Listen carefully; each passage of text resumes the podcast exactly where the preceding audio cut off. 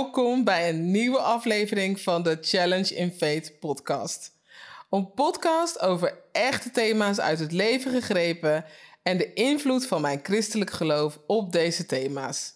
Dit is Real Life Faith Based. Is het je eerste keer hier? Ik ben erg benieuwd wat je ervan vindt. Feedback is welkom. Reageren kan op mijn posts op Facebook en Instagram. Ik heb er zin in, dus let's go!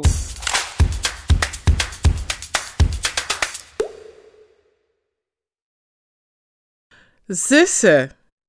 Een hele bijzondere relatie. Zussen heb je in soorten en in soorten. Je hebt biologische zussen natuurlijk en geestelijke. Natuurlijk kun je ook pleegzussen, stiefzussen, adoptiefzussen hebben. En niet te vergeten de vrouwen die uit hetzelfde geloof komen, die hetzelfde geloof delen. Ik heb zelf één jongere zus. We zijn met ons tweetjes de kinderen van onze ouders. Naast haar heb ik nog een aantal zusters in mijn hart. Geloofszusters met name, maar een paar van mijn nichten zie ik ook al een beetje als een soort zus. Ik heb meerdere geloofszusters, maar er zijn er twee die in het bijzonder heel dicht bij me staan, met wie ik echt mijn geloof kan delen en beleiden. Ik heb ook een oudere zus die ik echt al bijna mijn hele leven ken en ze ging altijd met me om als een grote zus. En ik heb ook een vriendinnetje die een stuk jonger is, met wie ik gesprekken heb alsof ze mijn jongere zusje is. Zoals ik al zei, zussen heb je in soorten en soorten. Het is ook wel een beetje taalgebruik natuurlijk hè, van mensen om iemand je zuster te noemen. Bij ons in de kerk bijvoorbeeld spreken we alle vrouwen aan met zuster en alle mannen met broeder. Zodra ik in de omgeving ben van iemand van mijn kerk, dan noem ik die mevrouw zuster. Ik weet dat dat niet in alle kerken gebeurt. Maar bij ons zit het ook wel een beetje in de naam van onze kerk om iedereen broeder en dus ook zuster te noemen. Evangelische Broedergemeente. Ook wel bekend als de Moravische Broeders of de Hernhutters. In sommige gemeenschappen zeg je ook wel heel makkelijk zus tegen een vrouw, omdat het wel vriendelijk klinkt, of omdat je de afstand een beetje wilt verkleinen.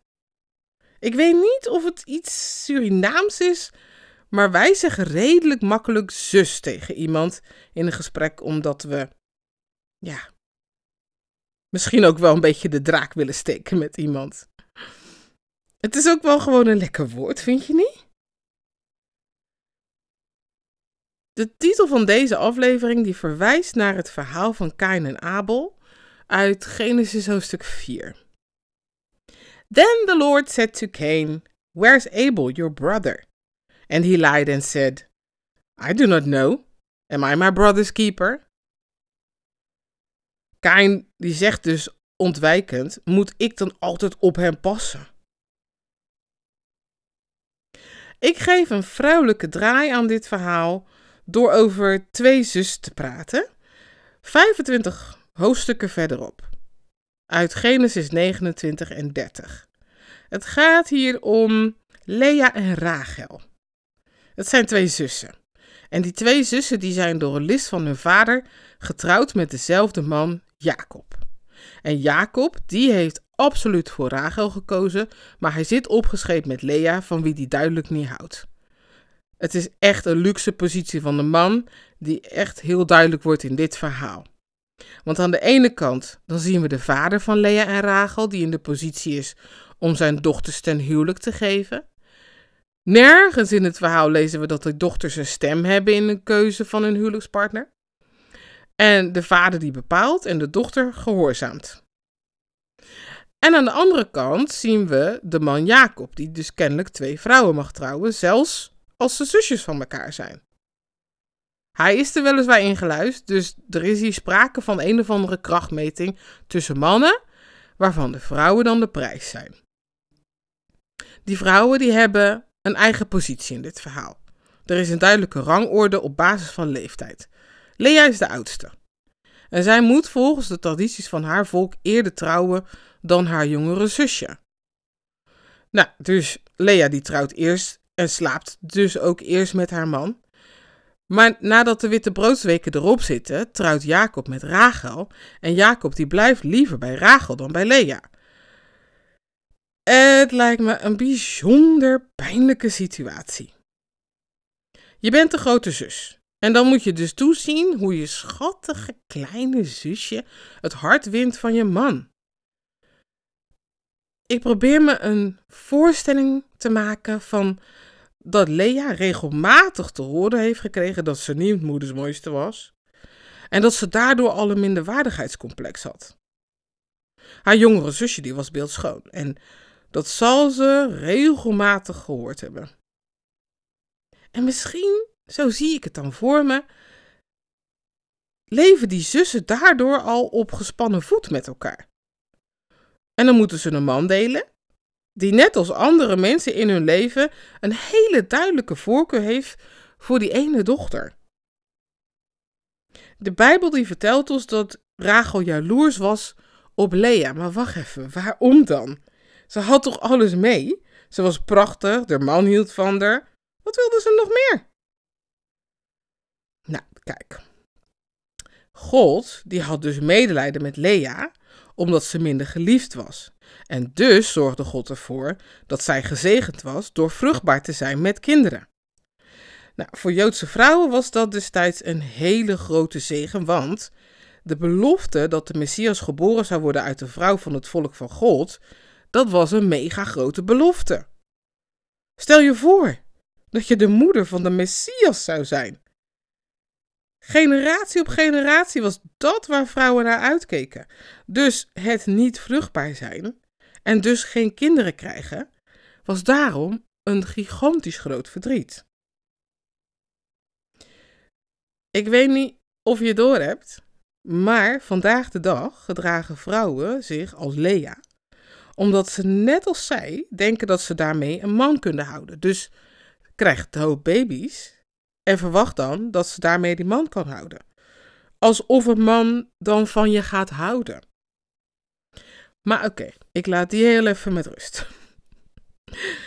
Twee zussen dus. Ieder met een eigen pijn en verdriet.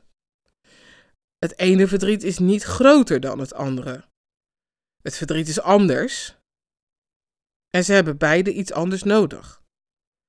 Beide zussen zoeken wat ze nodig hebben bij een man die hun gezamenlijke man is.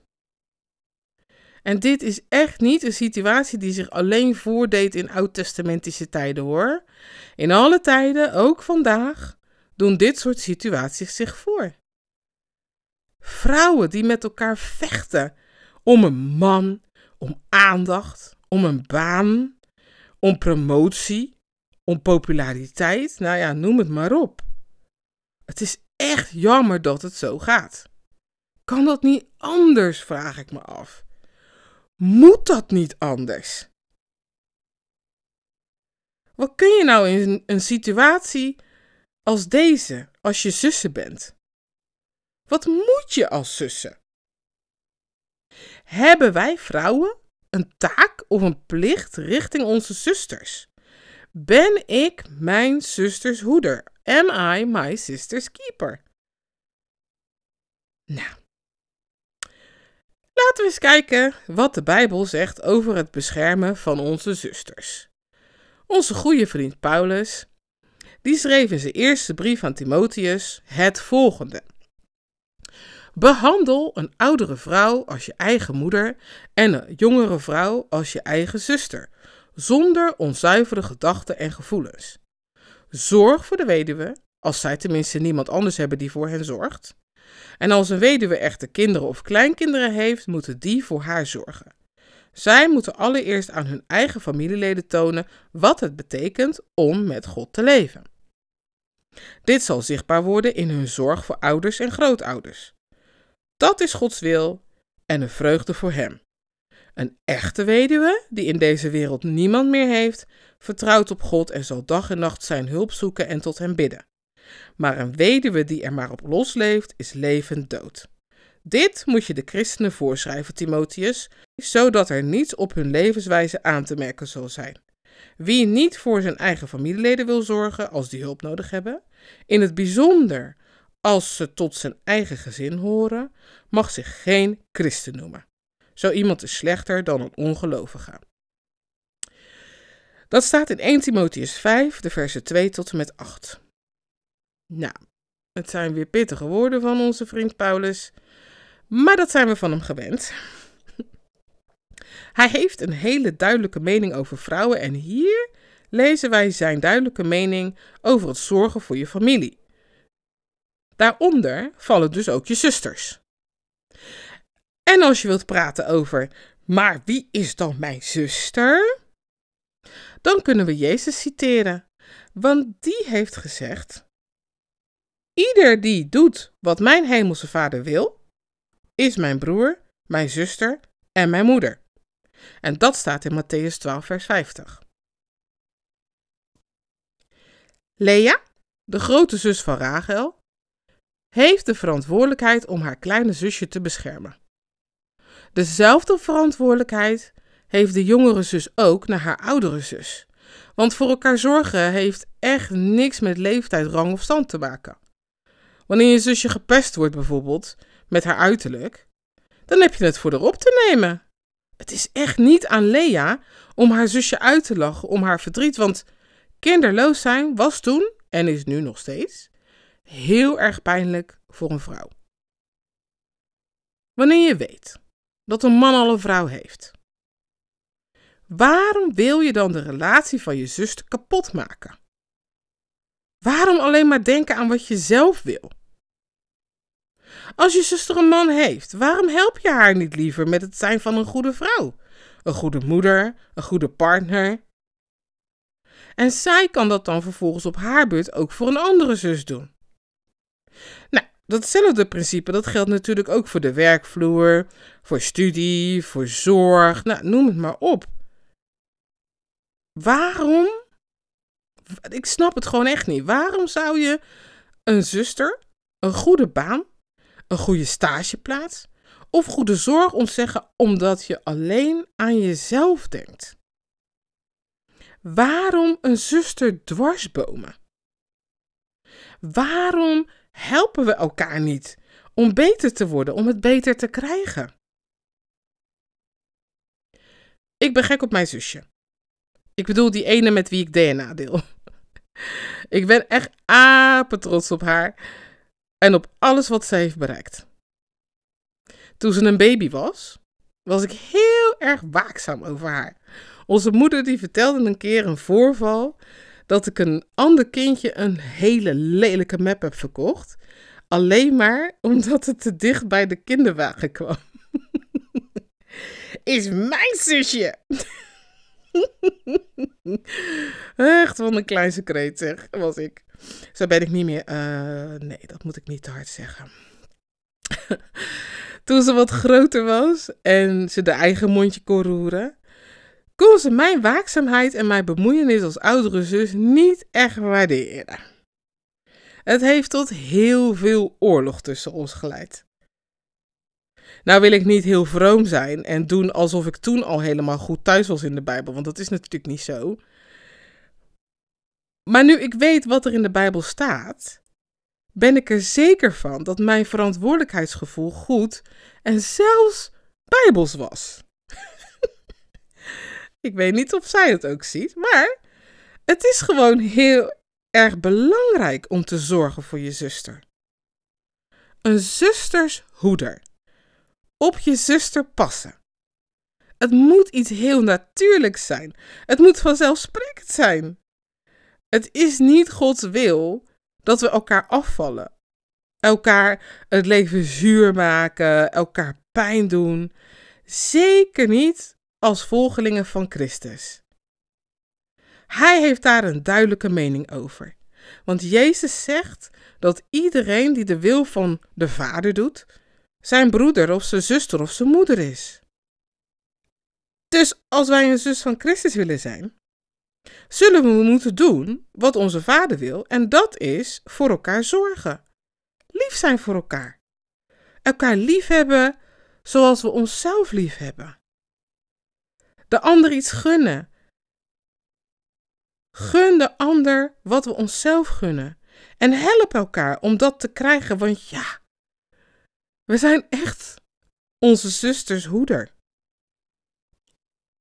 Ik zie het gewoon nog te vaak gebeuren dat vrouwen die al moeten vechten tegen vooroordelen, tegen een bepaalde positie die normaal gesproken door mannen wordt bekleed, of dat ze zijn in een mannenwereld, even tussen aanhalingstekens.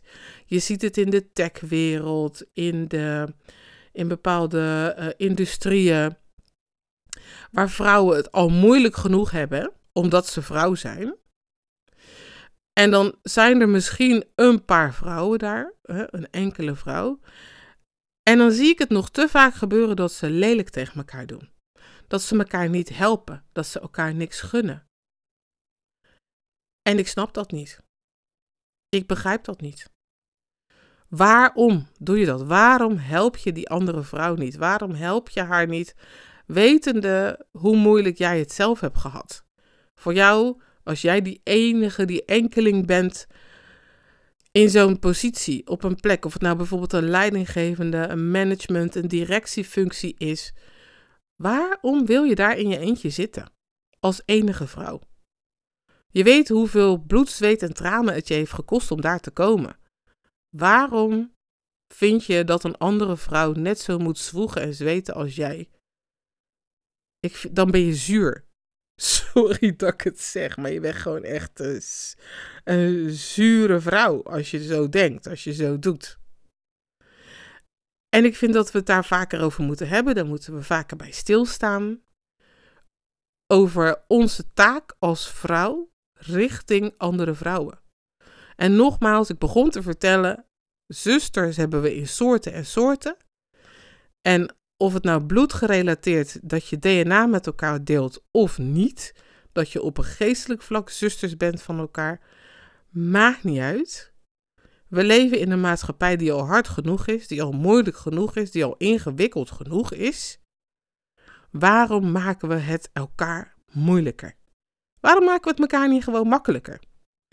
Als je ziet dat een zuster hulp nodig heeft op een bepaald vlak, en het is een vlak waar jij in uitblinkt, waar jij goed in bent, waarom hou je die gave voor jezelf? In de vorige aflevering heb ik het even gehad over 1 Korinthe 12, waar we als lichaam van Jezus uh, voor elkaar moeten zijn. Ja, die vlieger gaat hier natuurlijk ook op. We hebben niet allemaal dezelfde gaven, we hebben niet allemaal dezelfde kennis. We kunnen niet allemaal hetzelfde en dat hoeft ook allemaal niet. Maar als we één gezond lichaam willen zijn, moet de een de ander helpen. En man, vrouw, vrouw, man. Maar dus ook de vrouwen onderling.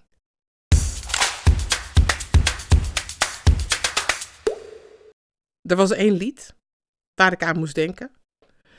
En later, dat is echt veel later, bedacht ik me dat dat lied komt van een soundtrack van een film. En die film die gaat over Jozef. Laat Jozef nou toch te maken hebben met Rachel en Jacob. I didn't know. Het schoot me in ene te binnen. Maar goed, het lied waar ik het over heb en die dus ook in de Challenge in Faith playlist te vinden is, is een liedje van CC Winans en Whitney Houston. Zij zongen het liedje Count on Me. En ik vind dat die heel goed past bij deze aflevering. Count on me through thick and thin, a friendship that will never end. When you are weak, I will be strong, helping you to carry on. Count on me, I will be there. Don't be afraid. Please believe me when I say, Count on me.